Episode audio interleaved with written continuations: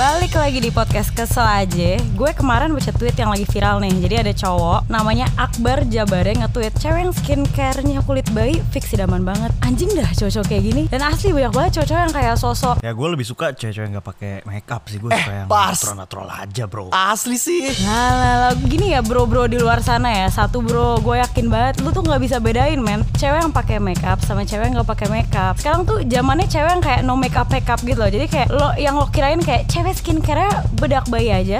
Itu tuh di rumah ada kayak 17 step untuk skincare dia. Ngerti gak lo? Jadi kayak gue yakin banget deh orang-orang yang lo kayak sangka oh itu dia emang kayak dia tuh emang kayak gitu asli emang cakep kagak bro. Itu dia udah pakai berlapis-lapis makeup bro. Lu aja gak bisa bedain. Dan gue yakin banget ya bro ya. Ini orang-orang kayak gini biasa tuh orang-orang yang hipokrit gitu loh bro. Yang kayak paling kalau mereka ditanya eh menurut lo siapa nih bro? Kayak cewek paling cakep di Indonesia Eh jawabannya Dian Sastro tetep aja bro. Menurut lo deh bro. Emang Dian Sastro tuh skincare-nya kasan segitu bedak bayi gitu? Eh, Mbak Dian ini emang bener bahwa Mbak Dian skincare cuma pakai bedak bayi aja? Pak wartawan.